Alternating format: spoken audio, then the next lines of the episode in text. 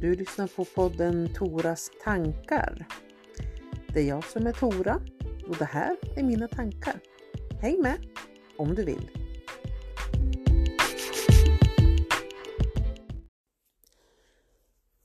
Ibland går jag runt på små tankepromenader i mitt eget huvud och så försöker jag liksom analysera varför saker är som det är. Naturligtvis skulle jag kunna googla fram det och en massa fina psykologisidor eller hämta hem en massa psykologiböcker och hitta faktabaserade svar på de frågor som dyker upp. Men jag tycker väldigt mycket om att leta mina egna svar i mitt eget huvud. Hitta mina egna samband som jag känner att jag kan förlika mig med.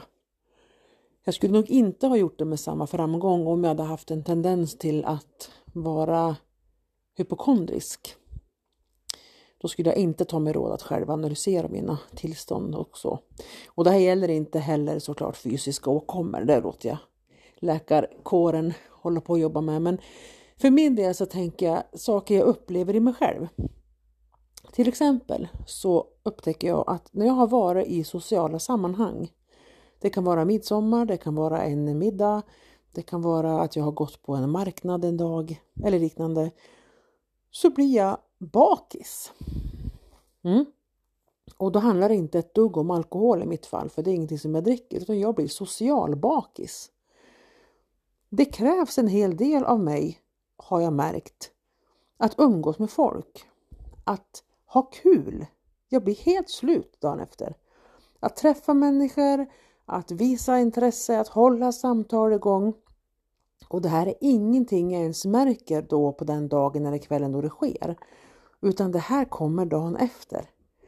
Låt säga att jag är på en middag eller en after work med vänner. Det räcker med att vi är fyra, fem stycken och jag har fruktansvärt roligt och vi har fantastiska samtal. Om allt möjligt. Känns inte ett dugg krävande. Det jag upplever är att jag får en massa energi, jag blir lycklig över att träffa vänner och jag känner mig sedd och bekräftad och uppskattad. Men när jag vaknar dagen efter så är mitt huvud tungt, jag kan känna mig håglös. Jag kan vara lite tung i kroppen. Ja, bakis. Och min egen analys är följande att när man inte har det i sin vardag att ständigt frottera sig i sociala sammanhang som jag hade kanske mer förut. Eller som vi alla kanske hade mer förut. Kanske har pandemin gjort det här. Kanske känner fler igen sig som till exempel har varit sjukskrivna en period för utmattning. När man redan har fått och upplevt det där överslaget. Kanske känner människor som skulle beskriva sig som högsensitiva känner igen sig lite till. Kanske människor med någon typ av NFP. Nej, NPF heter det. NPF, jag måste ta en paus där. Eh, neuropsykiatriska funktionsvariationer, det jag pratar om. Men kanske är det så att vi är ett gäng människor som har tendenser att uppleva den här social bakis-situationen. Eller så är det för alla. Det vet inte jag, för jag har bara ett huvud. Och i och med att det är där jag frågar efter svar så, och det är det svaret som jag vill använda till mig själv så nöjer jag mig där. Det finns ingenting i det jag säger som jag påstår är en allmän sanning. Jag delar med mig av mina tankar för att du eventuellt ska hitta någonting som kan hjälpa dig att hitta ett svar i dig själv också. Hittar du inget här så hittar du någon annanstans. De flesta svar vi behöver finns i våra egna huvuden. Men jag är en övertänkare. Jag har tankar så att det räcker och blir över. Därför så delar jag med mig. Men man får naturligtvis trycka på stopp och scrolla vidare precis när man vill.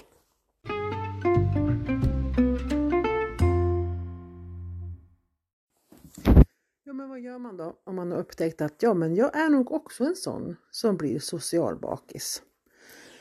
Ja, i min värld så kan man ju anpassa sig efter det. Har man lärt sig det om sig själv så är det ju inte skitsvårt att räkna ut när man kommer att bli det nästa gång.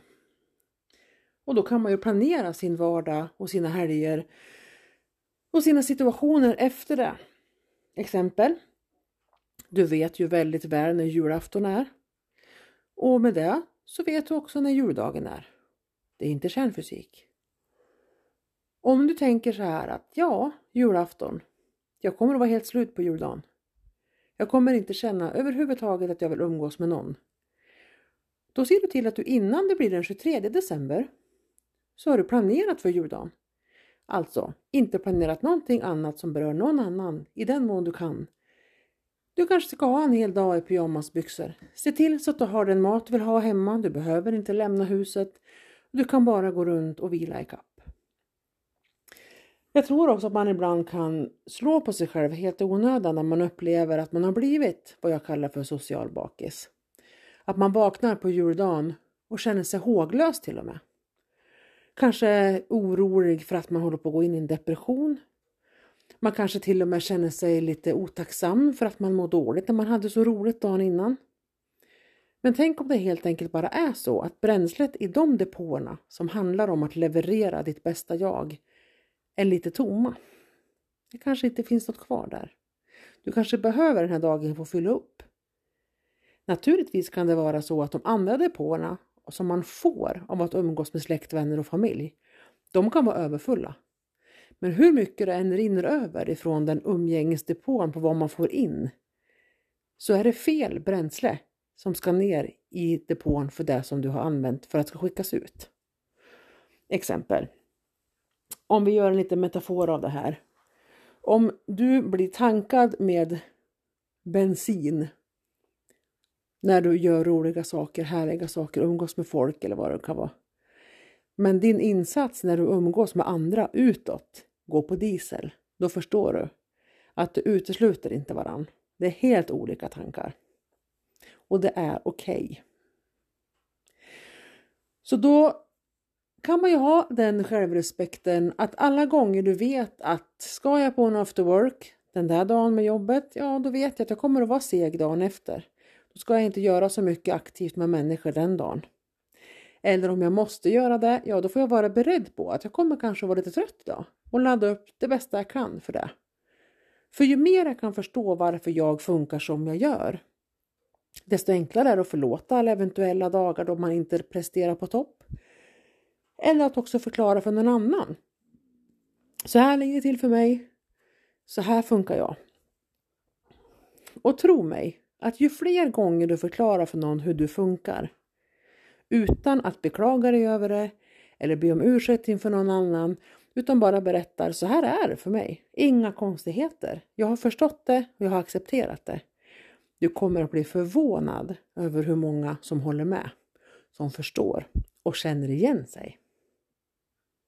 Jag tror att vi kan alla se till exempel om vi har varit på ett firande en söndag och vi har ungar som ska upp till skolan på måndagen det behöver inte ens ha varit sent på söndagen för att måndag morgon ska vara tuff.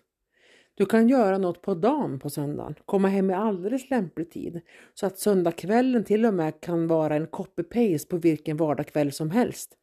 Men ändå så har vi trötta ungar och föräldrar på morgonen efter. Beroende på hur intensivt det har varit för just den personen. För här skiljer det sig också väldigt.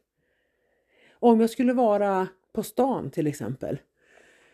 Där jag kan liksom möta hundratals människor så kan det ta mindre kraft av mig när jag får gå där i min egen lilla bubbla än vad det gör om jag sitter med fyra, fem vänner som jag engagerar mig i allihopa. Så även om de är mycket, mycket färre så kräver det mer av mig att umgås med dem än vad det gör av mig att stå i kö på stan där det passerar folk på folk på folk hela tiden. För jag behöver inte engagera mig i dem. Ingen förväntar sig någonting. Det är tvärtom en ganska bra egentidsplats för mig att stå i kö. För då kan ingen nå mig. Ingen kan skynda på mig. Jag är liksom lite turfri om jag ska vara ärlig. När man står i kön. Då kan jag inte göra så mycket åt det. Det enda jag ska göra är att följa flödet så sakta eller fort det går framåt. Och då kan jag slappna av. Jag tillhör de som har turen att inte bli så påverkad av andra människors stress i de stora sammanhangen. Om jag går i en julhandel eller midsommarhopping och andra är stressade och far fram med varuvagnarna som Formel 1-rally så blir inte jag hetsad av det. Jag kan bli ganska lugn i det för att jag känner att det där är jag inte en del av. Men sätt mig i ett rum med tre personer där en är stressad. Då tar det. Då tar jag in. Det är som att varje enskild stressperson tar en andel av mig. Och då är det ju inte svårare än att man kan jämföra det med en pizza. Sitter vi fyra människor i ett rum, då har ju varje person en fjärdedels möjlighet att påverka mig. Medan om jag har en pizza som ska delas på 150 så förstår ni då vilken liten del den här enskilda personen med stress har att påverka mig. Inte mycket. Det här är som jag tänker. Det här är som jag funderar. Det skulle vara jättespännande att höra om du upplever att du har blivit social bakis. Eller om du kanske när du lyssnar på mig nu tänkte jäklar, så där är det. Eller också om du känner att va, det där känner jag inte igen alls. Jag kan gå på som bara den. Det där är det bästa jag vet. Det jag tycker är spännande är att jag har varit annorlunda. Förändring är intressant. Inte alltid behaglig. Men det kan vara nödvändigt att kolla om man har förändrats för att kunna anpassa världen efter sitt nya jag. Om jag vänder mig igen till de som har då varit hemma för utmattning eller för den delen till dig som har varit eller är utmattad men inte har varit hemma. Var ärlig med dig själv. En utmattad människa som låtsas inte vara utmattad kommer inte få det här serverat på ett milt sätt. Man måste vara snäll med sig själv. Att låtsas vara pigg funkar inte jättebra. Det är ungefär lika smart som att låtsas att man inte kom för sent. Det går inte. Så i första hand, kolla, vem är du nu?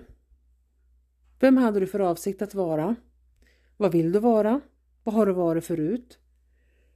Och bara titta på det utan att värdera. Men jämför det lite grann, bara inför dig själv, så att du får se vad sanningen är. För ibland så har vi en karta om hur vi vill att saker skulle bli. Men verkligheten är en helt annan. Då måste vi rita om kartan. Vi kan inte hålla i en karta som vi hade tänkt oss när verkligheten har bjudit på någonting annat. Vi kan plocka upp den kartan sen. Eller så gör en helt ny och tänka att det blev så här bara. Men utsätt inte dig själv för att gå runt och spela roller i en film som du inte längre är intresserad av att vara en del av. För ditt liv är din film och huvudrollen är du. Och hur många twists and turns det än blir så är det dina. Du kommer inte att bli bedömd i någon kvällstidning av någon recensent som hade väntat sig det ena och det andra. Det är din livsfilm. Det är du som ska gilla scenerna eller acceptera dem. Ingen annan. Jag hoppas att du tar hand om dig själv.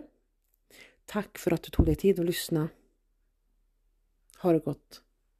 Och du, jag tycker om dig. Gör det du också.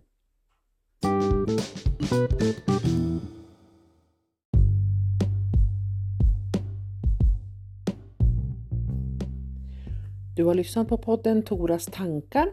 Det är jag som är Tora och det här var mina tankar idag. Tack för att du var med mig.